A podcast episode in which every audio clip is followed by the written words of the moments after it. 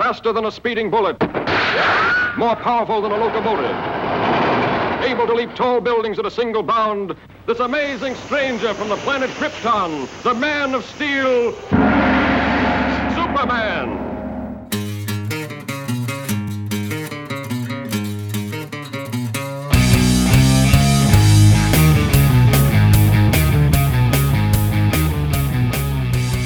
Dag er Supermans fødselsdag. Hurra, hurra, hurra. Han tigger sig en gave, så, som han har ønsket sig i år, med dejlig chokolade og kager til.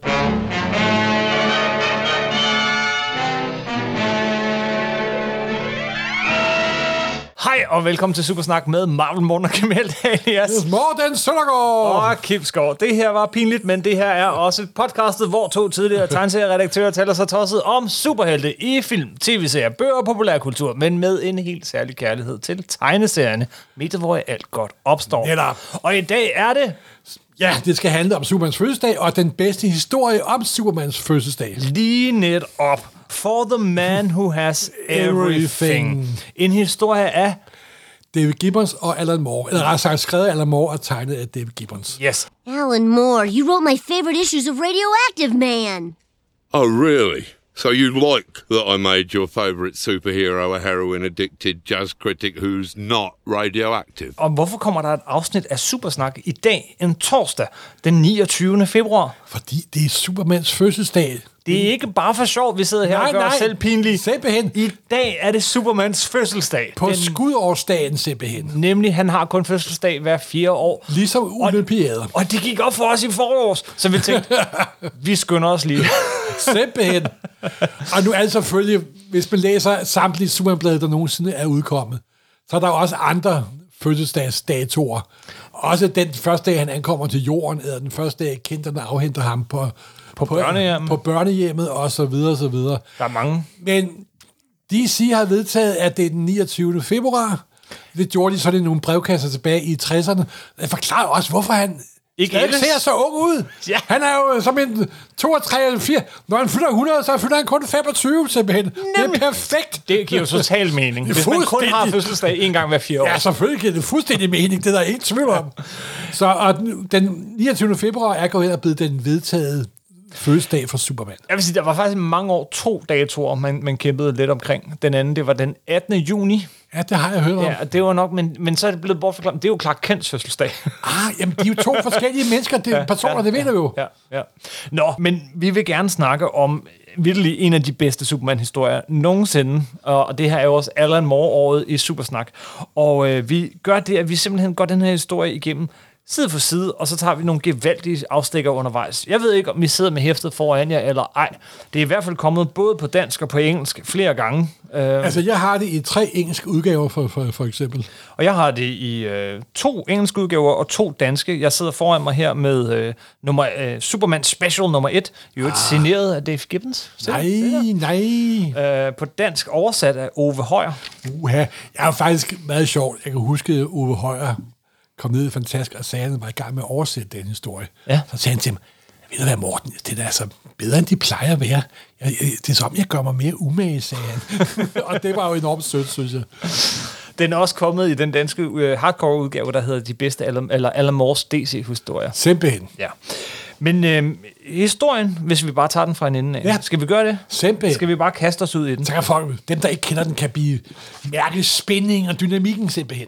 Den starter nemlig rigtig Alan Morsk. Og, Ja, Alan og Morsk. Det er sådan et, den, og, og, og, og virkelig veltegnet selvfølgelig, så den starter også meget Dave Gibbons, med, med sådan et helt rødt bylandskab, hvor altså tårnene, de ligner noget fra sådan klassisk science fiction. Tårne, der står spidst En- op mod himlen, og Den det hele er perfekte rødt. futuristiske verden simpelthen. Fuldstændig. Det er jo dejligt tegnet, og sådan noget. Det er sådan rød, rød, rød himmel, og vi kan Fordi se at der er sådan en en rød futuristisk... Det er øh, kryptons røde sol nemlig. lige netop, og sådan en futuristisk øh, Men det er sådan noget, retro, det er sådan noget retrofuturistisk landskab. Ja. Og det er, er Dave Gibbons perfekt til. Ikke fremtiden, som den er, men fremtiden, som den bør være. Det begynder med en prolog. West of the city, red evening light retracts through giant mazes of diamond. The sky ripples at the horizon, pastel veils billowing in the wind. Walking home, weary, the spectacle is lost upon him. Working at the Institute of Geology since dawn, he has catalogued 200 specimens from the Candor crater. Ah. Der var det. Eyes aging, he wonders if Van and Orna will still be up. The muffled blare of the hollow fracture comes from the f- uh, forward room where the children watch Nightwing and Flamebird. Det er jo de to. Når Batman, når Superman og Jimmy Olsen besøger Kandor, så er de også hemmelige superhelte. Der bliver de Nightwing og Firebird. Good, they are awake, tænker han. He'll read them another Scarlet Jungle story before Ah. bed, leaving the night for him and Lila. Hans store kærlighed for nummer 141, han er blevet gift med en smuk skuespillerinde. Den har Alan Moore læst. Simpelthen. Him and Lila, just the two of them. Men som han åbner døren, så øh, står hele familien der. Surprise! råber en af børnene. You didn't hear us, father. Happy birthday, Cal. Happy first day, ikke også? Happy first day. Ja, tak. Det er jo på Krypton, det er ikke på jorden. Nej. Van tugs at his tunic, and Kara Soil gives him a new headband. On the hollow fracture, Nightwing saves Flamebird from a rogue metal eater. His weariness lifts. The man has his family about him. He is content. Og det er jo en fantastisk start. Det er Superman, det er Kal-El, og han er tilfreds. Og Han, han, han han, er- vokset op, han har job, han bor på planeten Krypton. Ja. som ikke er sprunget i jorden. Og hvem er det, han er gift med her? Det er jo Det er hans... ikke Lois, det er ikke Lorna, det er ikke Læge. Nej, fordi nej, der er en kærlighed for ham, der er større end alle andre. Det er der faktisk. der, er hvis de, der er de to LL'er, og der er havfruen. De er okay. ja, Men den største, den største kærlighed af alle var den, han mødte, da han vendte tilbage til Krypton. I historien, der hed Return to Krypton fra 1960, tegnet af Wayne Boring, skrevet af, Gary- af Jerry Sinkle, hovedforfatteren, skaberen af, medskaberen af Superman. Og det er en fuldstændig fantastisk ord. Jeg har ævlet op den mere end en gang, det er udmærket godt klar over. Men det er en af de allerbedste Silver Age-historier nogensinde. Det er også den længste superhistorie til dato. Det er et episk historie, simpelthen. Ikke? Og det kom jo også i gigant. De der gamle, store gigant. Ja. Det var der, Søndergaard så den første gang. Men historien er, Historien er, Superman rydder ud, ryger igennem en tidshul, kommer tilbage til fortiden, kommer til Krypton. Han er en, nu en normalt menneske, eller normalt kryptonianer. Og så går han rundt tilbage til, han møder sine forældre, før de får ham. Og han har jo den her dragt på, men alle sammen i det, alle på Krypton runder rundt med karper og i, i den der, øhm, deres udgave af Krypton, det er jo sådan et futuristisk samtidssamfund, hvor alle har stramsiddende kostymer og er meget veltrænet og meget lykkelige. Mm. Så de vækker ikke den store opsigt, at han har den her Superman-dragt på. Og faren sidder også og siger, hmm, S på maven, det er måske en meget god idé. og så møder han den mest smukkeste og største af alle skuespillerinder på Krypton, og det er Leila. Og de bliver dybt forelsket simpelthen. Og de, ja, det er en meget rørende historie, det må jeg sige. Og så ender selvfølgelig med, at det er en tragisk historie. Han ryger ind i en raket og kommer væk fra Krypton og bliver nødt til at rejse tilbage til jorden, til sin tid og sin verden og så videre. Men han vil altid huske den største af alle hans kærligheder. Og det er jo sjovt, at det, den har Alan Moore tydeligvis også læst, og det er jo egentlig det, han siger her på side 1 i den her historie, at Supermans største kærlighed Ja, det er hende. Det er hende. Leila. Det er Leila. fra den ene historie. Og det er også fordi, som vi har sagt før, Alan Moore, at da han var helt lille, han var en DC-flag. Han var Silver, DC Silver Age ligger så dybt i Alan Moores grundkarakter og hans grund-DNA. Så han næsten ikke selv vil vedkende sig det simpelthen. ikke? Det ligger lurer dernede. Yes.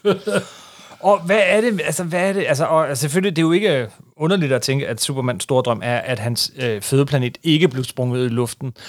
Krypton. Krypton i øh, tegneserierne dukker jo op øh, i allerførste historie, hvor vi får at vide, at han kommer fra planeten Krypton, og det er bare noget, der eksploderer i baggrunden, kan man sige. Simpelthen. Og det er også noget, vi får fortalt. Der går faktisk ret lang tid, før vi sådan rigtig ser Krypton. Ja, altså først kan man sådan se rigtig krypton, hvad der foregår på krypton. Det er faktisk ikke i hæfterne, men i avisstriben. I, i dagavisstriben. I avisstriben af Jerry Siegel og Joe Shuster, hvilket jo er sjovt, fordi de jo faktisk prøvede på at få alle tegneserietegnere dengang i 30'erne og 40'erne, The Golden Ticket, madbilletten, det de alle sammen gik efter, det var at få en stribe i aviserne, fordi så havde man nået toppen af succesen. Og det, Og det fik de efter, at De havde fået hugget figuren fra sig, og efter at øh, Action Comics nummer 1 var blevet succes, så det var sådan en lille smule bagmænd. Men de fik deres dagstrip, de fik deres søndagssider, og den første dagstrip i sort-hvid, præsenteret med en Krypton og Supermans fødsel i én stribe simpelthen. Og den første st- stribe er meget dynamisk. Jeg har den her. Krypton, a distant planet so far advanced in evolution that it bears a civilization of Superman, beings which represent the human race at its ultimate peak of perfect development. Mile after mile streaks by as Jor-El, Krypton's foremost scientist, races along at a terrific speed that would outdistance the fastest express train. A great leap carries Jor-El hundreds of yards into the air to a balcony near the top of his home. Og så kommer han ind på værelset der. Jor-El, you've come. Der ligger hans kone og barn. As quickly as I could, Lorna, my beloved. Where is he? Our newborn son. Det er da noget af en start. Sådan startede avisstriben. Og det er jo meget sjovt, for det er jo, den er fra 39. Og der er jo mange forskelle i det, der senere kom. Her har han superkræfter fra starten af, simpelthen. Ikke? Det får han jo først, når, planeten, når raketten kommer til jorden, og solbatterier, og den gule sol, og tyngdekraften, og så videre, så videre, så videre. Så det er jo en helt anden Superman. Og så er det jo også, det er jo, det er jo sådan en rigtig, øh, sådan en rigtig 30'er science fiction, det der. Fordi Jerry Sinkle og Joe Shuster, de var jo science fiction fans, ikke? Og Krypton var for dem sådan det perfekte videnskabelige samfund. Ikke det amerikanske samfund, der omgav dem, men det samfund, det lykkelige, perfekte, teknologiske, teknokratiske samfund, der ligger langt ude i fremtiden. Det er jo repræsenteret ved den her nærmest drømmeplanet, Krypton. Men samtidig også en planet, der er dømt til undergang, ikke også? Yes. Så det er jo en mærkelig sådan skisma der. Men her er alt det der ikke sket. Krypton er endnu. Alting er godt. Kal-El er vokset op. Han er tilfreds. Tilfreds. Og så klipper vi. Det var side 1. Kommer vi til side 2. Der kan vi se, at Wonder Woman og Batman og Robin, her er det Jason Todd, Som ja, faktisk er det, det første planet, der står Wonder Woman alene med en pakke under armen, og så er hendes, man kan antage hendes usynlige, Usynlige fly. fly. Ja, ja, Eller ja. næsten, ud- men det er selvfølgelig snevejr, så man kan se, det er halvusynligt. Ja. Igen, hvordan tegner man noget, der er usynligt? Men det, nogle tegneserier er bedre til end andre, og det Gibbons er bestemt ikke den og, der, og der er en lille smule nordlys i baggrunden, så vi ved Simpelthen. ligesom, hvor vi er. Og så kan vi se, Sydlys. og så, ja, og så kan vi se uh, Batmans kappe. Ja, og så viser, siger de, at det er den 29. februar. Supermans fødselsdag, og det er skudårsdagen. Det er lige præcis det, der står jo lige her. Ja, simpelthen. Polarcirklen den 29. 20. februar. Der bliver det virkelig slået fast, at det er Supermans fødselsdag. Fordi den sidste gang, de prøvede at slå det fast, så jeg tror faktisk, der kom en kalender. Ja. Lige sige udgang i 1976. 76. Ja, det er omkring midt af 70'erne hvor de sagde, at den 29. februar var Supermans fødselsdag. Og så puttede de sgu også Shazams fødselsdag ind ved siden af. Ja, ja, ja. Jeg synes, var noget svineri, faktisk. De, altså, det er jo ikke et sted hjemme, og det bliver heller aldrig nævnt. Men Supermans fødselsdag den 29. februar, det er slået fast med syv tommer søm. Mm.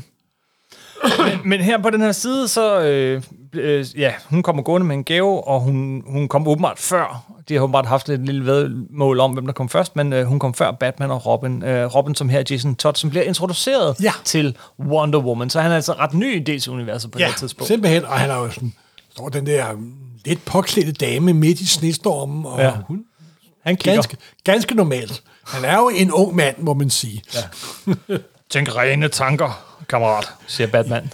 ja inden at så har hun lige kysset ham på kinden. Ja, ja. For hun er jo sød og venlig. Og så går hun hen mod, man kan se, at døren er åben i panel nummer 4. Døren er åben det til der- ensomhedens force. Ja, og det bør den jo ikke være. Fortress of Solitude. Og der er det jo meget sjovt, hvordan at den danske oversættelse ikke helt rammer den amerikanske perfekt. ja. Fordi ensomhed og solitude er ikke det samme. Nej. Fordi ensomhed, det er loneliness også, ikke også? Men solitude, det er noget, hvor du med vilje opsøger at være alene. Ja, alenehed. Du, ja, alenehed, hvor du kan tænke, hvor du kan falde i tanker, hvor du kan gå i dybden, og så videre, og så videre. Det har ikke noget at gøre med ensomhed. Nej, det er ikke nødvendigvis i hvert Det fald. er hans refugium, simpelthen. Ja. simpelthen. Men døren er åben, de går hen mod den, og så siger Batman, mens Robin kigger, Åh, hun har ikke så meget tøj på her i kulden. Tænk dig, øh, rene tanker knægt, siger han. Ja. Og så på næste panel, så smiler Batman. Det gør han nemlig. Jamen, det er jo forholdsvis sjældent, ikke? Og det er sådan, ja, det, Det er jo en ting med Dave Gibbons. Altså, det er jo en ting, som Dave Gibbons kan i superhelte-tegneserier, som alt for få superhelte-tegnere kan. Det er ansigtsudtryk. ja, ja. Uh, han, han får virkelig sin, uh, sin helte til at, at spille skuespil. Uh, og det, uh, som, som få. Altså ham og Jerry Maguire måske, som er så lidt mere karikeret. Men, men det er virkelig noget, som, som han kan. Nå, anyway, vi Altså, er faktisk de- ved ensomhedens fort, og, Og de går hen og til den de træder ind dør. den der er gigantiske den dør. Den Den der gigantiske dør med den der gigantiske nøglehul. Og inden vi går videre med det, Morten, så bliver vi, altså, vi bliver lige nødt til at stoppe, gør vi ikke, ved den gigantiske dør. Jo, fordi nu er vi på side, side 3, og der står de selve døråbningen til den her gigantiske dør. Men hvor stammer? Den stammer jo fra en meget berømt historie. Der var faktisk den første Silver Age-historie, juni 1958 i Action Comics. Der sådan besluttede DC, at nu skulle der lidt mere science fiction ind i det her. Ikke? Og så var der en fantastisk historie, skrevet af Bill Finger og tegnet af Wayne Boring, der første gang beskrev ensomhedsfort, The Fortress of Solitude. Det er en herlig, rigtig Og det er denne her kæmpe, gigantiske nøgle, som Superman tager og drejer med sine superkræfter. Og i, når han ikke bruger den, så er det jo et varetegn for flytrafikken. Og så, ja, og, og vi, det er rigtigt. Og, øh, det, det, det, det er jo en gigantisk nøgle. Og det, jeg- og det sjove er, hvis man får fat i originalhæftet, eller et kopi af originalhæftet, så er indmaden tegnet af Wayne Boring. Mm. Men forsiden er Kurt Swan. Og de har åbenbart ikke snakket helt meget sammen, øh, redaktørerne, fordi den her nærmest kubistiske nøgle, der er som en pil, fordi det også er et varetegn for flytrafikken, det er i Kurt Swans forside blevet til en ganske almindelig garderobenøgle, der er bare kæmpestor. Så det, jeg vil ikke sige, at det er den tåbeligste forside, Kurt Swan har lavet på Superman, men det er der top 5. Det er 100% sikker. Og i den tegnesætte, i den oprindelige historie, der, der, der, der er noget af det første, vi ser, det er, at, at Superman, han tager den der gigantiske Ja. nøgle, og hænger den på sådan en knage. Det gør han nemlig. Prøv at kigge på panel 3 i den Og her det gør historie. han præcis Den her. hænger på knæen. Så det er jo helt sikkert, at han, Alan Moore kender den historie ud og ind. Yes. Fordi han er en gammel DC-nørd simpelthen. Men der er noget mere at sige om den historie. Fordi hvad handler den historie om? Det den fra handler 1958. Om, det handler om, at Batman fejrer Supermans fødselsdag. det er nemlig en det er fødselsdagshistorie. en fødselsdagshistorie. Det er perfekt. Hvordan kunne du glemme at nævne det, Morten? Jamen, det, det var kommet til se. Jeg vil, og du vil komme til det ja, senere? selvfølgelig. Oh, okay. Historien ender jo med, at Batman har bagt en kæmpe superkage, Ja. der fylder flere kvadratmeter, hvor Superman står med en kæmpe stor kniv. Yes. altså, det er en af de mest tåbelige historier. Jeg vil ikke sige, at det er den tåbeligste historie. Der er mange tåbelige Superman-historier. Men plottet er, at det er jo ikke Batmans øh, gave til Superman. Gaven Nej. til Superman er et mysterium, som Superman ikke kan løse. Ja, netop. Hvem er den fremmede gæst i ensomhedens fort, Ja. som der råder med hans ting?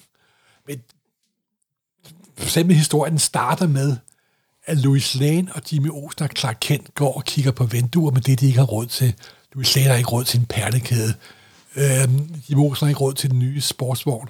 Og så kommer en tredje med, og så står jeg fuldstændig vidunderligt, som den type historie var dengang. Efter en hård arbejdsdag på redaktionen, skal Superman slappe af, så han tager tøjet af og flyver til Nordpolen. I, uge om dagen, så pisker han jorden rundt og redder alle folk i tid, men ikke dengang. Der var der meget mere lay back, simpelthen. Og så bruger han en hel aften i Superman, så tager han hjem igen om morgenen og fortsætter på arbejde.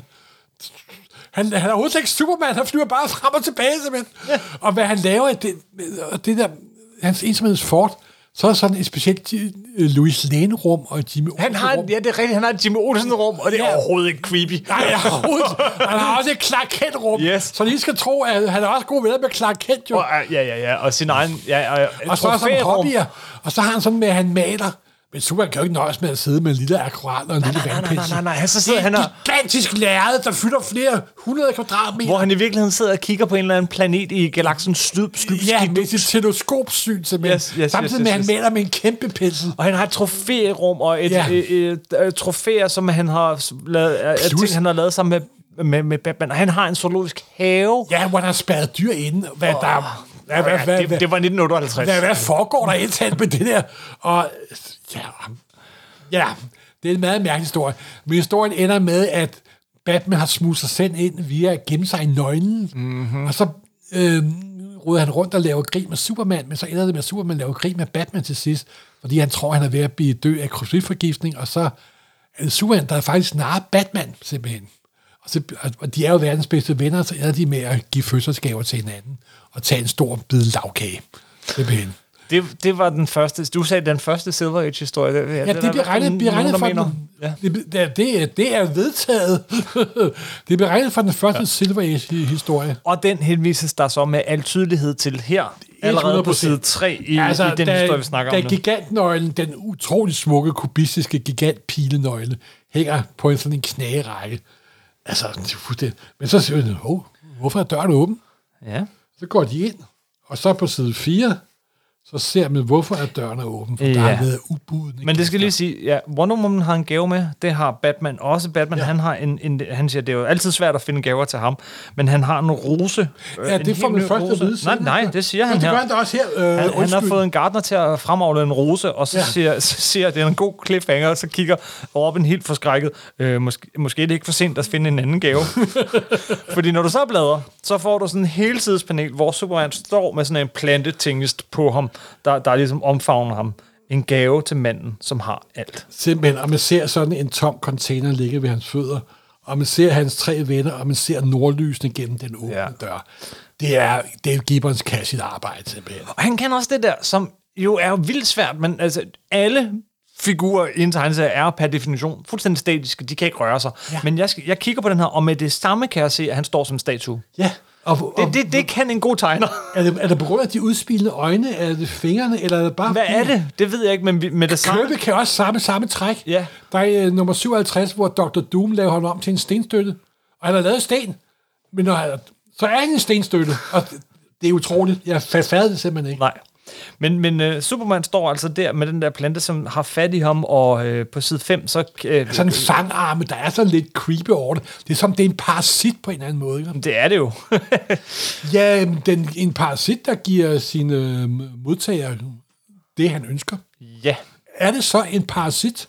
Så Superman, hvad hedder det, Batman går straks i gang som detektiven prøver at undersøge det og sådan noget, men, øh, og finder ret hurtigt ud af, at han ligesom, Super, Superman synes at be- befinde sig i sådan en helt anden verden. Og Klip sig- til. Og så siger, nej, nej, for så siger uh, Wonder Woman noget meget vigtigt. Ja. Fordi hvorfor påvirker den plante Superman? Det er fordi, hun kan mærke, at der er en lille smule magi ved den. ja, og magi er jo en af Supermans svagheder. Krypt, kryptonit og magi, det kan altid sove Superman. Og så har vi igen sådan, det er jo en Alan Moore, det er Gibbons ting, må man sige, men vi har de her parallelle handlingsforløb. Nu starter ja. vi på Krypton, så er vi nede på, på jorden, nu er vi på Krypton igen. Altså Krypton i Supermans Men hoved. alligevel, så man vi kan har, se i slutningen af side 5, der har Superman sådan et lidt fjernt udtryk. Ja. Og det er præcis det samme udtryk, han også har i drømmen. Ja. Allerede der begynder drøm at falde fra hinanden, nemlig. Og det sker ret tidligt, nemlig. Der er en lille bitte... det er der en effektiv historie. Der, er, ikke? der, der er et eller andet galt, er Karl godt klar over. Det er ikke den perfekte drømmeverden. Det er jo et... Øh, det, er- det er klassisk Alan Moore, det der. Øh, det er jeg glad for lige at hive frem med det der. Men du, vi har øh, Superman, der står med det der ansigtsudtryk, og vi vender siden, og så står han med, med briller på og noget andet tøj, og har præcis samme ansigtsudtryk. Det der altså, med at klippe fra scene til Ja, scene, med ting, der. overgange, Ja, er perfekt, virkelig en Alan Moore-ting. Men der står han der på krypton og, og med sin, sin øh, kone i, i baggrunden, og øh, burde jo være lykkelig, men han ser aldrig rigtig lykkelig ud. Nej, det er, og der er også der er den her mørke stemning over det. Der er sådan lidt regn nærmest. Og familien efter, first, efter first dagen har været der, så er de, familien taget bort, og sådan, der er sådan lidt, ja, nu skal de til ro, og de skulle hygge sig, men alligevel, der er et eller andet galt, der er et eller andet, der lurer. Og man kan også godt mærke, at faren er ikke dukket op til stedet first day, ikke? Og er ikke dukket op. Hans elskede far er der ikke, fordi det her er 20 år senere, efter at Jor-El kom med sine mystiske teorier om, at Krypton ville springe i luften, hvad han jo ikke gjorde. Mm. I hvert fald ikke i denne her udgave af Krypton. Og så siger Carl L., "Ja, hvordan kan det være, at du giftede dig med mig? Du er, den, er en af den største filmstjerner på Krypton overhovedet. Og så siger hun, ja, men prøv at minde mig om, hvorfor jeg er giftet dig med dig. Ja, hun prioriterede. Øh, så er det morgen næste dag, Ja, og øh, der, møder vi, der møder vi Supermans far, Ja, som jo øh, synes at være... Øh, ja, han var engang fik vi også at vide i den der avisstribe, den største videnskabsmænd på planeten Krypton. Han havde jo, men han havde jo forudsagt, forudsagt, at planeten ville springe i luften, og, øh, og det ved vi jo fra Superman-historien, at han var den eneste, der troede på det. Han prøvede at overbevise alle, kunne ikke overbevise det her vismandsråd om, at planeten er ved at springe i luften. Og i denne her virkelighed, så tog han også fejl. Ja. Og derfor er han ligesom blevet sådan, altså, Kørt ud på et sidespor. fuldstændig. Han er gået fra at være... en Han er blevet cancelled, simpelthen. Mm, Han er blevet cancelled. en, af de, en af de største, mest respekterede mennesker på planeten Krypton til nu at være... Åh, det var Og ham der, blevet- tossen, der troede, at, jorden ville gå under. Han er blevet bitter. Han er blevet bitter, og, Og, og, og, øhm, åbenbart tyder noget på her, også en del af noget, der altså ret tydeligt ligner en kult. Og øh, Lara er død. Hans kone er død. Ja. By the consumed sickness. Det må næsten være kraft med mund af. Money. Og så er han nemlig blandet ind i, hvad jeg vil kalde sådan nogle suspekte karakterer. Der er sådan en kutteklædt, præstet, kultlederagtig type. Med en tatovering i panden. En tatovering i panden, og sådan, det er sådan lidt sådan halvfed udtryk med, nej, ah, der har vi Karl. Det er dig, der er gift med hende skuespillerinde, er det ikke? Mm. Og så er sådan en militæragtig type. Nå, men du husker, hvad vi aftalte, og vi mødes ved senere. Ja, ja, jeg skal nok komme, og så videre, og så videre. Og Karl hvad foregår der her? Hvad er du blandet dig ind i, far? Det skal du bare blande dig udenom. Og så videre, fordi han begynder at tro, verden var jo meget bedre for 20 år siden, dengang de gode, gamle, faste, kryptonatiske værdier var. Yes. Den, dengang at folk var, før verden gik at lave simpelthen, ikke? og de sidste 20 år er verden bare gået at lave, ikke? og ungdom er frem, og alt er i forfald og fordærv, og så videre, og så videre. Han er en bitter mand, og han... Øh, Og så kommer vi til side 7, eller til side 8, der er det. Og øh, ja, der, det er nærmest, øh, der er ikke mange ord på den side, men altså, øh, Kal-El, altså vores Superman, vender ryggen til sin far og siger, du ville jo virkelig bare ønske, at, at, at verden var gået under, ikke? Og så er der sådan en række øh, lydløspaneler, hvor hans far står der og kigger på et krystaltræ, og så smadrer det med sin stok. Han, øh, han har det ikke godt. Jeg vil lige sige, inden Og- der og har det- øh, David Gibbons også lavet så et panel, hvor man ser Krypton-planeten. Og der kommer det der, med, det er sådan det der futuristiske, sådan det sådan, som fremtiden var i gamle dage med boblebiler og øhm, sådan øh, veje oppe i himlen og så videre.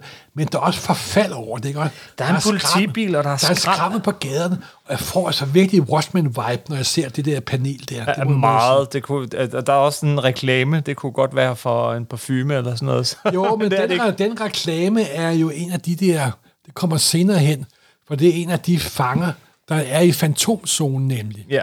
Og som der har været der i 20 år, og som der er en kampagne gang, det kommer senere. Og så er der det der med, at Supermans far står og kigger på de der krystalting og smadrer dem. Og der må jeg indrømme, der må jeg lige afsløre lidt min, min uvidenhed. Din uvidenhed. Ja, fordi jeg tror, at de krystalfugle, der er på den her side, det henviser til en Superman-historie. Man kan ikke finde ud af, finde ud af hvad det er for en, simpelthen. Ah, Og det irriterer mig lidt, men man kan ikke vide, vide alt. Men, men til gengæld, så er der sådan en, en typisk eller mor ting igen her. Han smadrer de her krystaltræer, så de ligger der, øh, det er glas, glasskår, ikke? Og så det, det sidste er så, så er der sådan en voice over fra den næste scene, som er... Simpelthen, det er han det er bare i. et spørgsmål om at få stykkerne til at passe sammen. Ah, Og her er det selvfølgelig Batman, der prøver at regne ud, hvad der er sket. og samtidig prøver jo, øh, Superman også at stykke sammen, at det er en drøm og ikke virkelighed. Ja, måske. Jamen, det er jo ikke Det så er jeg helt sikker på, simpelthen. Nej, men så tilbage til Batman, der er ved at regne ud, at Superman må have en anden form for rumtranspensions øh, teleportationsstemmer ude, fordi en gang om året åbner han, så alle hans venner ude i rummet kan sende ham gaver. Simpelthen. Superman vil åbenbart have gaver, simpelthen. det vil jo alle på deres fødselsdag. Ikke? Ja. Og den der underlige plante må være kommet som en pakke, og så har han pakket den op, og sådan vup, sprunget på ham. Men hvor kommer den fra? Ja, det finder vi ud af her. Øh, nu nu har vi haft fire sider på Krypton, så får vi fire sider i nutiden. Den kører hele tiden sådan meget fast mønster. Den er faktisk nærmest symmetri. Der er jo en symmetri. Uha, uha. Det er en Watchmen nummer 0. Nå, men, øh, men, men øh, vi har sådan fire smalle paneler, og så har vi ellers øh, sådan et kæmpestort billede, der skurken dukker op, og det er selvfølgelig Mogul. Mogul. Som er jo altså øh, ikke en lille mand. Kæmpestor figur. Oprindeligt en Jim Starlin skurk. Ja, det øh, stammer fra DC Presents nummer 27. Jeg tror, det var en Lean Wine-historie. Men det var helt tydeligt, det var Tim Starling, der havde der havde plottet den og fundet på figurerne. For det er typisk Jim Starling til design. Ja, sådan moderniseret Kirby. Ja, jamen det er Kirby, men også Starling. Og Ja. ja. det er, øh, ja, man kan nærmest, der er lidt Thanos også over det, må man jo sige. Og han, han, er meget, og han er meget nedladet. Nej, de der semi-intelligente væsener har jo næsten regnet ud, hvad jeg gjorde. Han er, han er rigtig overlegen, simpelthen. Fordi han ved jo, at han er den stærkeste. Simpelthen, ingen tvivl tvivl om det. Og så har han sådan, et, har han også i hånden de her handsker, han har brugt til at manipulere den her Black Mercy med, som blomsten hedder. Ja. Øh, og, og her forklarer han så også det der, at, at, at den der blomst, den, den øh, sætter sig fast, og så læser den sit, sit offer telepatisk, og, og prøver at give dem deres hedeste ønske. Øh, noget for noget, om man så at sige, mens den så lever af deres energi. På næste side, øh, han bliver jo ved med at sådan forklare og introducere sig selv for Batman, men det er altså nogle herlige billeder, hvor han sætter sig på knæ foran ja, Batman. Ja, det, er altså, det som, han- Batman er en lille bitte barn, ikke? Og han er jo meget nedladende. og han har det der onde, onde smil, og han, han, han, altså, han, han, øh, han taler bare med dem og lytter til dem, og, og alt sammen bygger op til så, nå, men venner, hvem af jer skal jeg slå ihjel først? Ja, for jeg vil jo nødt at bryde i nogle af de her lokale skikke, I Ja. har simpelthen. Jeg ved ikke, hvordan man gør på jorden, Jamen men simpelthen, simpelthen. så kigger de på hinanden, så igen, Wonder Woman kigger på Batman, hun går hen til ham, og så giver hun ham en på siden af hovedet. Thrush, står der. Og så, mm, og hun får tydeligvis ondt i hånden. Det er Wonder Woman, det her. Hun er pænt stærk. Hvor til han så, ah, mange tak. Det udfald besvarede mit spørgsmål. Og så griber det han jo... høfligste griber, må være at, at slå hende ihjel. Så griber, tager han, han griber han hende ud efter Wonder Woman. ud efter hendes hår, og så klipper vi igen. Simpelthen. Det var nemlig fire sider, så nu er det tid til fire sider på planeten Krypton. Og på planeten Krypton øh, er der sket noget. Ja, der er Kara, hans kusine, er blevet overfaldet af nogle øh, fanatikere. Ja. Og der opstod en bevægelse, fordi dengang Jor-El var top, the top dog blandt videnskabsfolkene for cirka 20-30 år siden, ikke alene advarede han mod, at planeten sprang i luften, han har også opfundet fantomzoneprojektoren. Hvad er atomzoneprojektoren, Morten? Det er jo der, fordi i alle højt udviklede videnskabelige samfund, der slår man jo ikke folk ihjel. Nej, man trykker på en knap, der sidder dem ind i en fantomzone, hvor de er som e- eteriske spøgelser, fanget i en, en skærsild nærmest. Det er en skærsild, Det fordi er det er ikke himlen, det er ikke helvede, Nej. det er et- sted, det er fuldstændig ligesom skærsild, et sted, hvor man bare er i en rumtid. og det er faktisk Men en ret, ikke. det er ret modbydelig straf, faktisk. Kan Det er man intetheden, man bliver Ja, sendt ind i. simpelthen. Men det betyder også, at hvis man er sendt ind i fantomzonen, og planeten Krypton springer i luften, jamen, så lever man stadig. Ja, simpelthen. Hvis man det, kan der, slippe ud af den, Og det der kommer mange historier om gennem- tiden. det er der. Men det er også sådan, at den her atomzoneprojektor, der er to knapper på. Mm. En, når man sender afsted.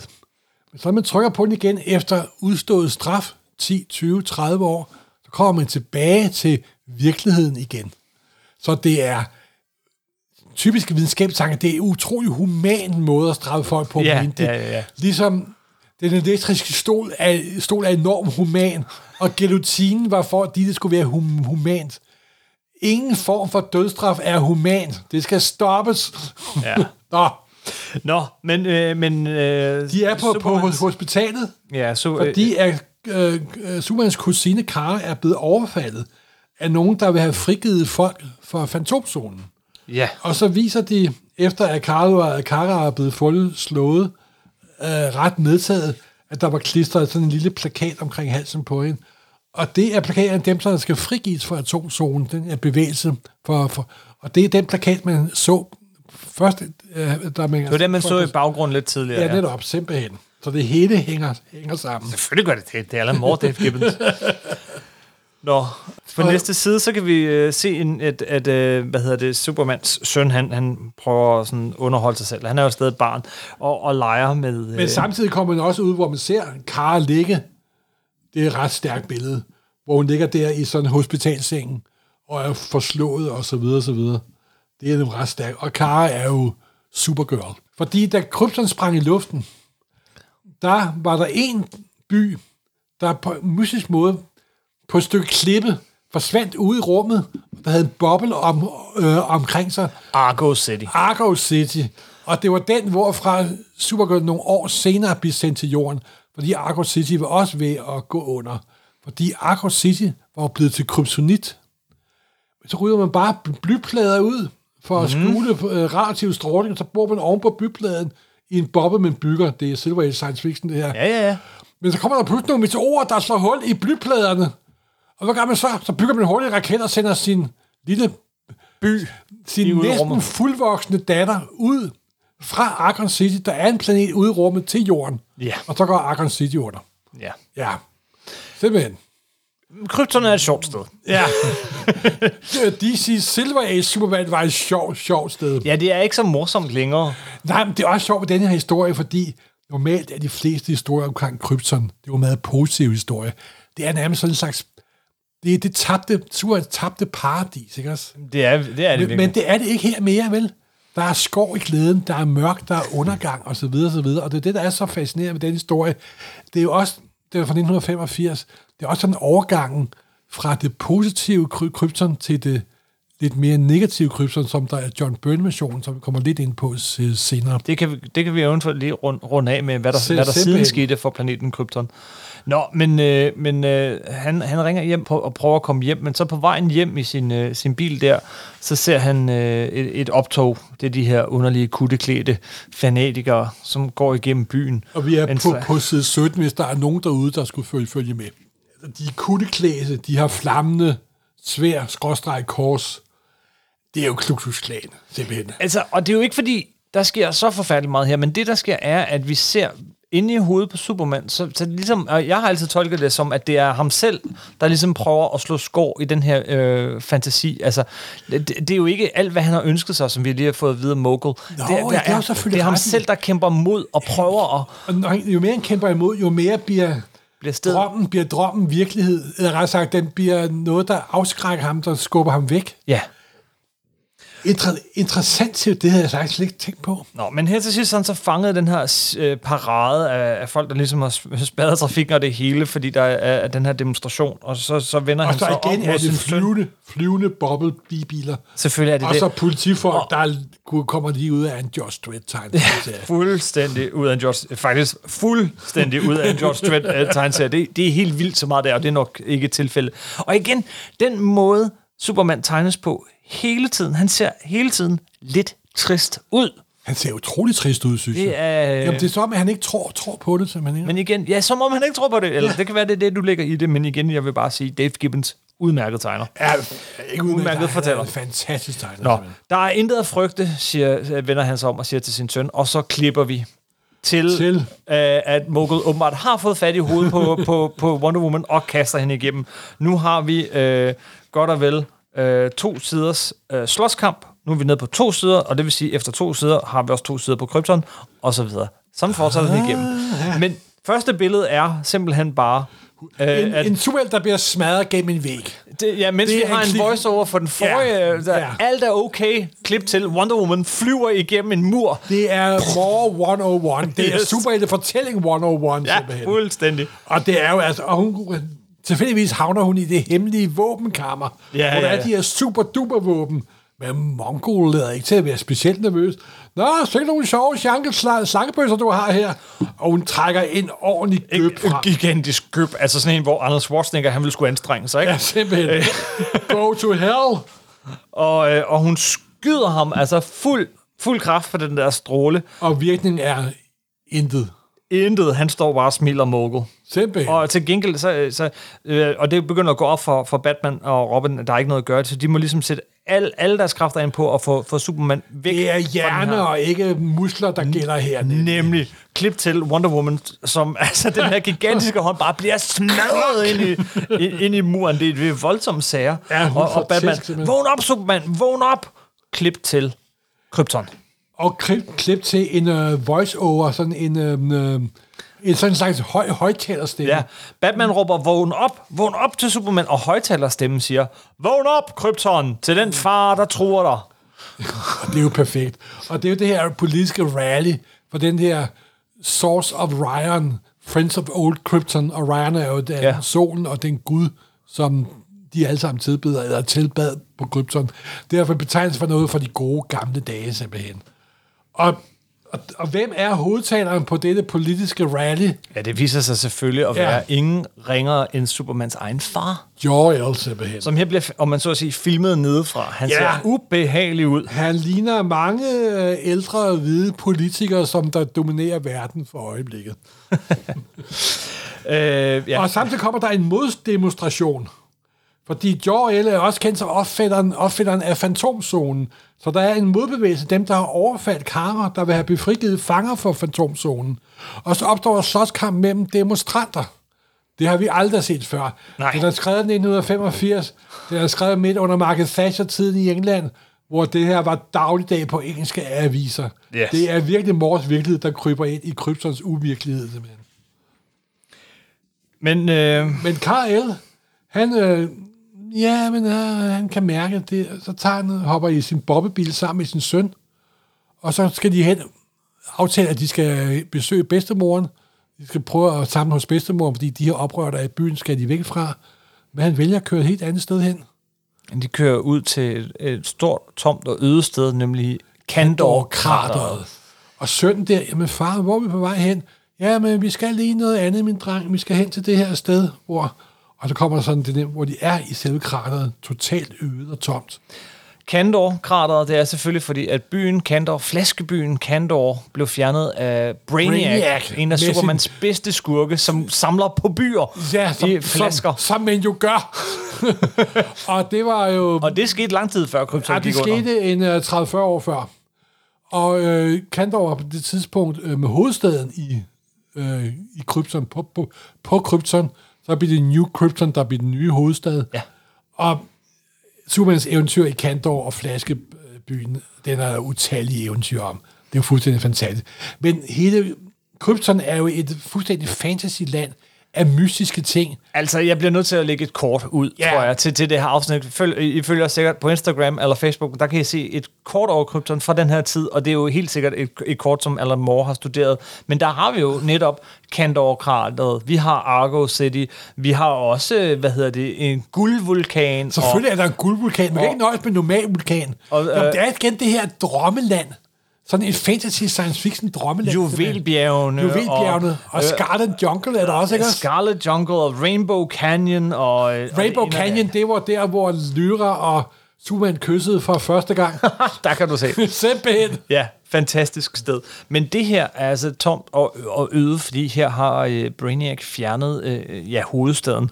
Og, og Han har også fjernet kommer hele Krypton. Han har helt kommer- fjernet virkeligheden.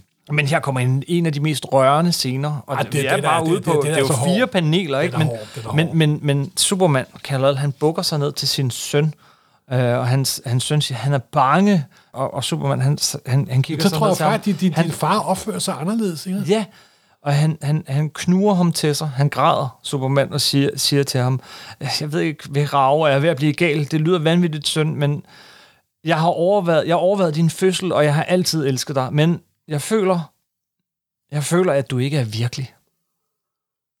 Det er...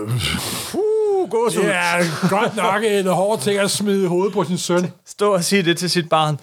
Nu klipper vi Men selvfølgelig. samtidig kan man også mærke, at verden er ved at gå i opløsning. Ja. Det bliver sådan en tåge. Ja, vær- vejret slår om, det bliver mere og mere tåget, der er et eller andet, og vi klipper til, at Superman står stadigvæk forstenet, vi er tilbage i nutiden. Og, Jamen, nu kommer og der to og parallelle forløb, Jamen, det er nemlig. hvis du lige lægger mærke til det, så gik vi fra fire sider, fire sider, to sider, to sider, en side, en side, og nu har vi parallelt, for hver andet panel er simpelthen... Øh, Ligesom i nummer 5, Fearsome Symmetry. Nemlig. Så nu har vi Batman står op og, og står stadigvæk og prøver at få den der plante af, og nu, nu tager han simpelthen, nu begynder han at tage fat med hænderne, fordi nu begynder han at blive desperat, ja. Nu skal det gå hurtigt. Klip til, at øh, vi står der øh, i, i det der landskab, som bliver mere og mere tåget. Far, du taler så mærkeligt. Kan du ikke se det? Men det hele er forkert. Kryptons skæbne er helt anderledes. Og, og Batman og Robin står op, op og finder de der handsker frem. Nu må vi bare prøve med handskerne og klippe til. Far, hvad er der galt? Og hold om mig en sidste gang, siger Superman. Han ved, det er ved at være slut. Klip til Batman i nutiden. Glem handskerne. Den slipper nu. Og Batman, han hiver den der plante fra sig. Og Superman og, og mister sin søn. Man har de to hænder. Van! Det, det er jo, altså, de kan lige præcis ikke nå hinanden. De skilles ad. Det er lige præcis det er ligesom nærmest som Det er jo Sixtinske kapel, det her, Ja, revet fra hinanden. Klip til.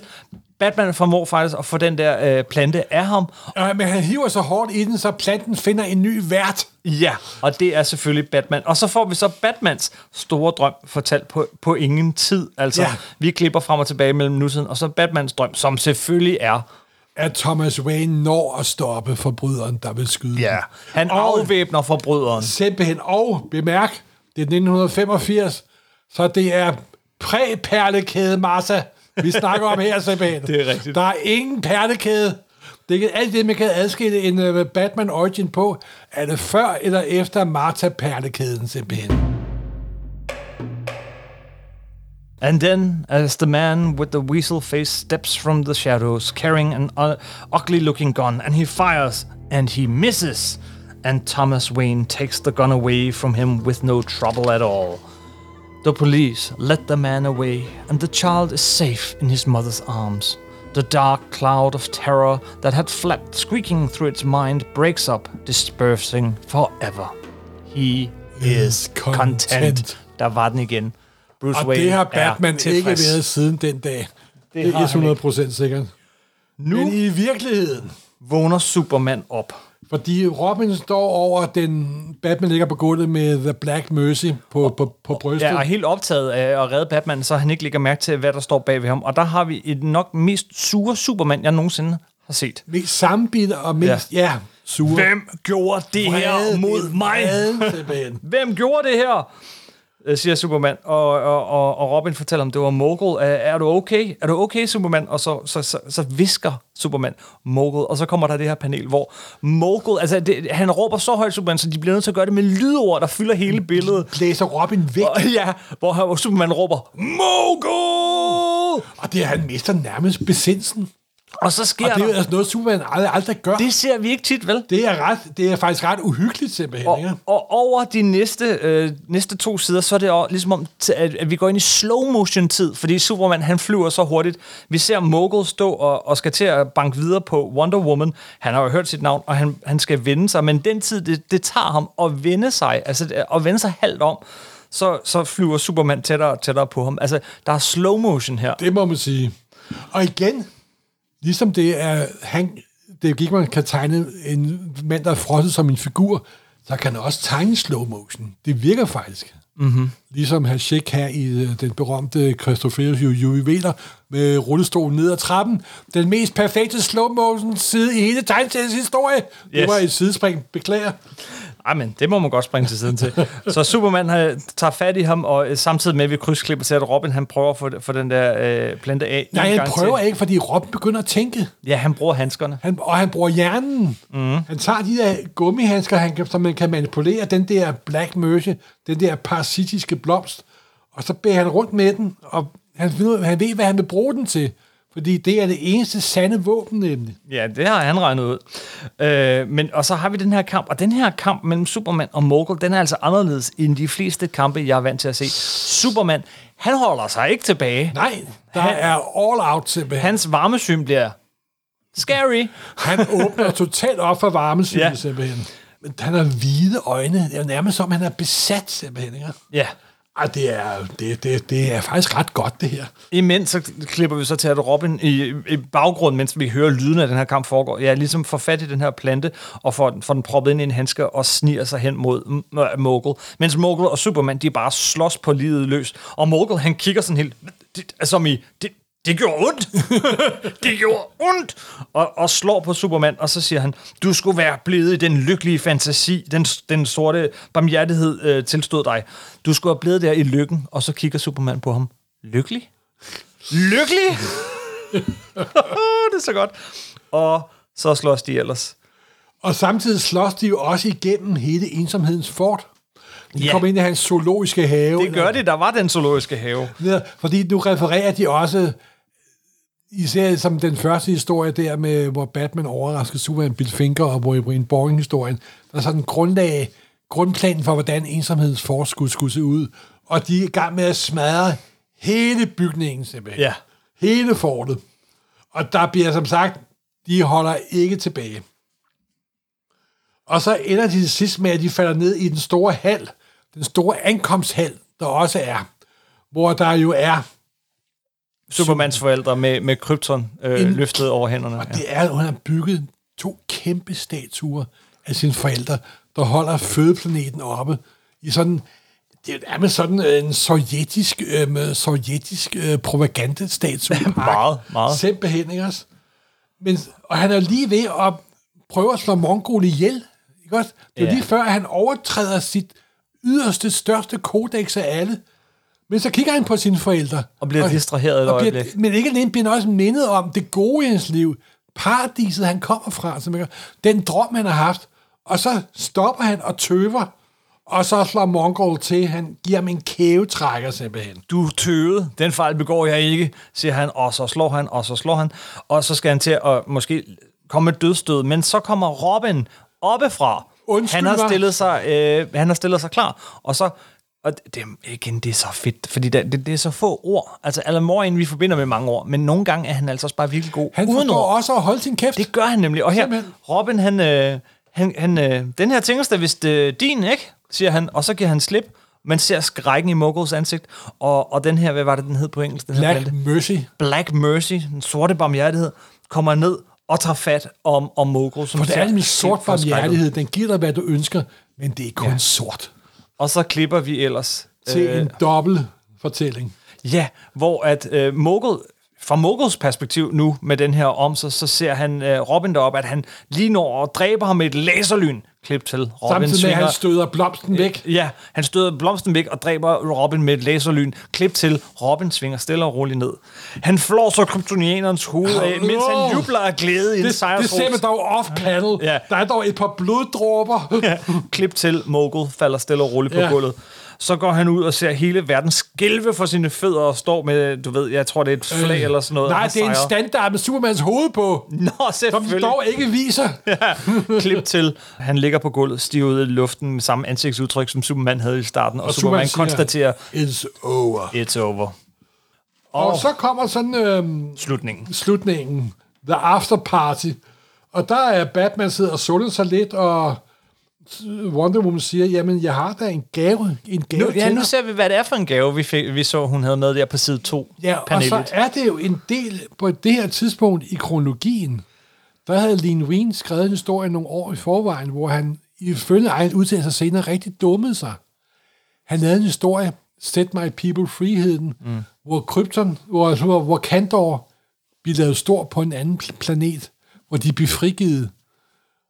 Og så forsvandt den her mærkelige lille terrariumverden, som Superman kunne besøge. Den her ekstra lille fantasyland, den her fuldstændig fantastiske ting med, jeg har selvfølgelig en flaskeby derhjemme. Selv folk, der ikke læser Superman, der ikke kan, det der med flaskebyen Kandor, det er noget, der hænger i folk. Det er det, er det altså. Men på det her tidspunkt, der er der ikke nogen flaskeby. Superman har ikke nogen... Øh, og øh, så Wonder Woman har jo lavet en kopi af, en for, en kopi af den for at glæde sin gamle ven Superman. Superman siger selvfølgelig, det var en mange tak. Og så ser man, at han er verdens høfligste superhelt. han er verdens mest betænksomme Med, superhelt. med superfart, så, så skynder han sig lige væk om bagved, og så har han jo allerede en kopi lavet til sig selv. Den skynder ja. Han sig lige at gemme ind i et skab, så tilbage, og så han kan sige, tak for gaven, Wonder Woman, lige hvad jeg havde ønsket mig. Uh, ja, det er meget, det er meget, meget Og så, kommer er der, meget, så, så omfavner hun ham, og så siger Superman og Wonder Woman, øh, hvorfor gør vi ikke det her lidt mere ofte? Ah, det er for forudsigeligt, siger de. Og der hentyder de til folks evige spørgsmål. Hvorfor kommer Wonder Woman og Superman ikke sammen? Ja, Og det gjorde de jo også et tidspunkt. I en af de lidt dårlige perioder af DC's historie. mange år efter det her. 52-perioden, Vi ved hvor der var en hel serie, hvor de kom sammen. Men jo sjovt nok også i Alan Moores øh, egen sådan, fantasi om fremtiden. Øh, Gud ja, The Twilight of the Superheroes, det har du fuldstændig jeg kan komme i. tilbage til, til en, ja. en anden dag, men der fandt de også sammen. Ja. Nå, der er faktisk ikke mange sider tilbage i den her historie. Nej, men ser, øh, de går bort, Superman siger, at øh, jeg tror sgu, at vi dropper ham Mongol, der står fuldstændig ubevæget som statue nede i det, et af de lokale sorte huller. Og Batman siger, jeg beklager, men den blomst, jeg vil give dig, den sorte rose. Ja, den, nogen har trådt på den. Og Superman kigger på den, ah, sorte roser. Han, for han har det- heller ikke så meget lyst til en sort det, det er rose. nok, man. Det, det, det, det, det, er okay. det. Og så siger han, I kan lige lave kaffe, mens jeg rydder op. Ja. Og, og så er der jo, når der er en prolog, så er der også en epilog. En epilog. Og den her gang er vi helt inde i hovedet på Morgul.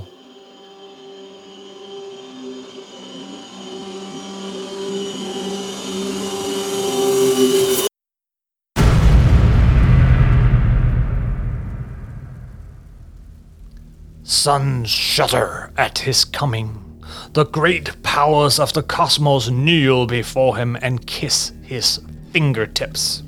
Vast and implacable, a resurrected war world wheels through the bottomless night, reducing galaxy after galaxy to smoking ruin. The stars run red.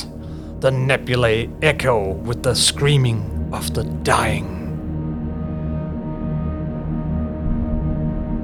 He is content. Perfekt slutning. Åh oh, ja, det er så øh, en mands lykke. Ja, simpelthen.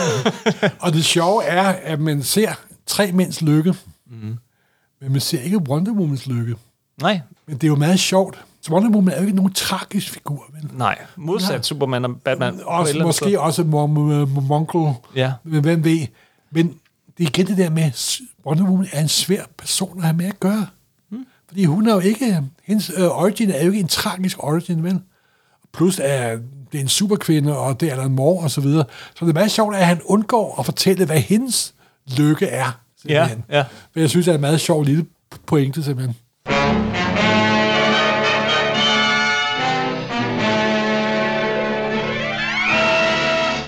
Vil ikke sige, der findes selvfølgelig ikke nogen perfekte øh, øh, historier, men den her er kraftedeme tæt på. Ja. Og det er ikke en historie, der handler om Supermans fødselsdag, det handler også om, det er en gave til alle Supermans fans simpelthen. Ja.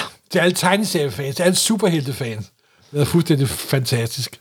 En af de mere berømte, mest berømte Superman-historier nogensinde. Ja, og velfortjent. Velfortjent. Velfortjent. Også en af, jeg tror, mest filmatiseret Ja, der er kommet i to tv-udgaver og en tegneserieudgave. Tegnefilmsudgave. Den er ja, mindst tre, tror jeg faktisk næsten, jeg kan komme sammen. Den, er blevet, den blev øh, filmatiseret øh, meget, meget trofast i øh, Justice League. Og det, er, er det ikke noget med, at det er den eneste filmatisering, hvor Alan Moore nogensinde har sagt, at han Jo. godt kunne lide den? Han kunne lide den. Ja. Det er jo, en- det er jo, Det er jo et mirakel tilbage.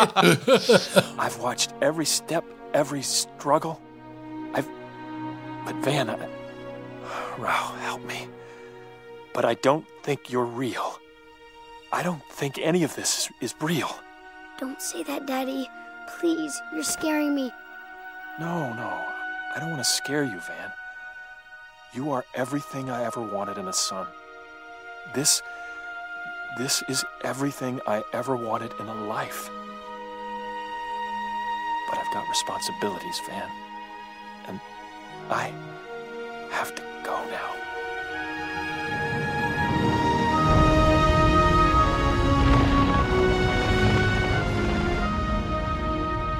Og så er den også øh, blevet genfortalt i øh, den tv-serie, der hedder Krypton. Ja, det var ikke særlig god. Nej, og- Men der var dog en version, der var værre. Det var den Det var i version, Supergirl. Det var Supergirl, hvor de totalt havde vendt historien på hovedet. simpelthen. Yes. Det var fuldstændig vanvittigt. Where's that thing? A telepathic parasite known as the Black Mercy. Fate has her trapped in her perfect fantasy. Where am I? I'm on Krypton. Her heart rate is spiking. Her brainwaves are off the chart. This isn't real. Nå, men det kom vi alt sammen ind på ved en anden lejlighed. Året efter, så kom Crimes on Infinite Earth, og så kom der også, hvor John Byrne genfortalte hele Superman-legenden. Ja, plus at, øh, ja, hvor han genfortalte hele Superman-legenden, og Krypton blev et meget koldt og goldt sted. Jeg vil sige, der er nok sådan tre Følelses- store... følelseskoldt. Følelses, følelseskoldt. Tre store... Øh, tre, de tre sådan dominerende billeder af, hvad Krypton er. Det første er det, vi fik i avisstriben. Altså det her futuristiske et, hvor alle, alle er gode og har det godt og er supermænd. Alle sammen.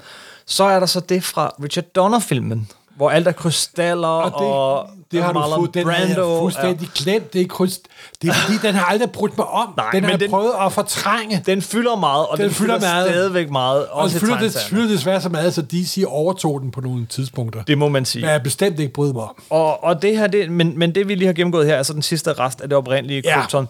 Og, men det Krypton, som John Burns efterfølgende introducerede, hvilken slags Ja, Krypton? det er jo sådan et fuldstændig følelseskoldt øh, krypton, hvor folk bor alene, de er totalt isoleret af teknologien. Fødsler er noget, man planlægger. Øh, Alt, alt reproduktion foregår ved, at sæd bliver blandet i sædbankerne. Der har ikke været seksuel kontakt med mennesker i hundredvis af år. Og alligevel, så Jor-El, der nu er fuldstændig dækket til på nær ansigtet, sådan nogle lange, ja, Ja, sorte, De render- de render- kostymer. de render rundt i burkaer alle Ja, sammen, de er basically. simpel, det er jo simpelthen det, de gør. Og alligevel, og han har jo selvfølgelig forudset, at krypton er ved at gå under, der er en kæmpe grøn masse i kryptons indre, der eksploderer inden for få timer. Bliver han kontaktet af Lara, som, og han siger, hvorfor har du taget vores sammen, den, den puppe, hvor vores sæd er blevet blandet sammen, hvorfor har du taget den hen til de hjemplanet, til de hjemsted?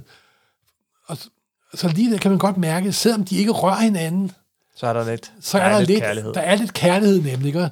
Og den sidste gnist, der bliver Superman sendt afsted, der har sagt, ro kuglen med, super, med Superman bliver sendt afsted. Og i Burns udgave, så åbner puppen sig først, når den kommer til jorden. Han bliver faktisk på en eller anden måde født på jorden. Ja. Og det var jo fordi, at Superman, John Burns oprindelige plan, som DC ikke gik med til, det var, at Lara skulle øh, blive gravid og så føde på jorden. Men det synes jeg alligevel var en for stor afvielse fra den grundlæggende mytologi, og jeg er også glad for, at de ikke gjorde det. Fordi det er det tragiske med, at Superman, i hvert fald indtil videre, er den eneste overlevende for Krypton. Så kommer der jo hunde og aber og fantomzone, og Jor-El er også overlevet mere end én gang, ja. måske to gange, måske tre gange, og ja, det er sådan, at når en figur kommer i 86 år, som det jo er i dag, Superman er i dag 86 år gammel. Ej, eller også vi er tæller jo kun skudår. eller også er han kun 21,5. Hvad, ja. hvad, hvad, hvad, hvad, hvad vil jeg? så der selvfølgelig har været utallige historier om Jor-El og hans forældre, og der har været gode, og der har været dårlige, og så videre, og så videre. Men denne her historie, som vi har snakket om her, hvor der, der bliver Supermans, altså Supermans far, Jor-El, var jo øh, en rigtig god mand, en, en, en sej videnskabsmand i de gamle historier. Her Ja. er han ikke særlig behagelig. Han er ikke særlig og, sej. og det er også, det er også gælder mere og mere for den, øh, den, den version af Supermans far, vi ser i dag. Altså det er Krypton og den den, den, den far, den, det er altså også noget, der sådan, har, ja, stammer måske også lidt herfra, at han er faktisk en skidt gal. Faktisk i den helt nye udgave af Superman-mytologien, der faktisk kører den dag i dag, og hold nu godt fast, fordi det her er tegneserien, og det er værst skrådrej, strå, Skråstreg bedst. Er du klar over, at lige inden af raketten, fordi i mellemtiden også skete det, at de siger, at vi går lidt bort fra John Byrne-versionen igen, og den gamle pandebånds science fiction Joy eller er ved at vende tilbage. Men lige inden han sender raketten afsted, så dukker, duk, dukker Dr. Manhattan op og oh, tager. Jor-El og fører ham tilbage til jordens fortid, hvor han vokser op gennem hundredvis af år og oplever, hvordan jorden er. Og han prøver at lave jorden om, fordi det er det sted, som man skal sende sin søn hen. Han bliver til Mr. Oz, der bliver hjernevasket og prøver at dræbe Superman, og så gør det ikke alligevel. Og så kommer der et langt plot, hvor et intergalaktisk tidsrejse kontinuitetsrum arresterer Jor-El, det er dog efter, at han har været med til at opdrage Supermans nye, nye søn. Og så, Det det- ham, ja. og sætter de ham tilbage til lige før, lige efter, at Dr. Manhattan tog ham. Men så kan han nå at sige til, til sin kone, vores søn kommer til en god planet. Ja. Nogle gange, DC, DC har det ikke for godt for tiden. nej, det se, har det svært ved at holde sammen på stumperne, det må man godt sige. Ikke desto mindre. Rigtig meget, og rigtig stort tillykke med fødselsdagen, Superman. Rigtig tillykke. Verdens største, første og bedste superhelt, simpelthen. Det er netop. Og vi vender selvfølgelig tilbage til Alan Moore og, og Superman på et eller andet tidspunkt her i. Supersnak her i For det er Alan ikke Moore. den eneste gode Superman-historie, han har lavet i Silver Age-stil. Der er en anden i Silver Age-stil, som er sige. mindst lige så vigtig. Mindst lige så god og mindst lige så vigtig. Yes. Så, hip hurra, det er Supermans fødselsdag. Tillykke med det, og et ekstra afsnit af Supersnak, for det blev da nødt til. Det er ikke så tit, det er skud over. lille Og Alan Moore. En lille fødselsdagsgave til vores øhm, lyttere, for det var mor i moråret. Yes, og det betyder ikke, at I bliver snydt for Supersnak om en uge. Nej, nej. Nej, nej, Der er mere i vente. Der er noget med en sandhedsfilm, vi skal omtale. Ja, det er der. Tak for den gang. Hej. Hej hej.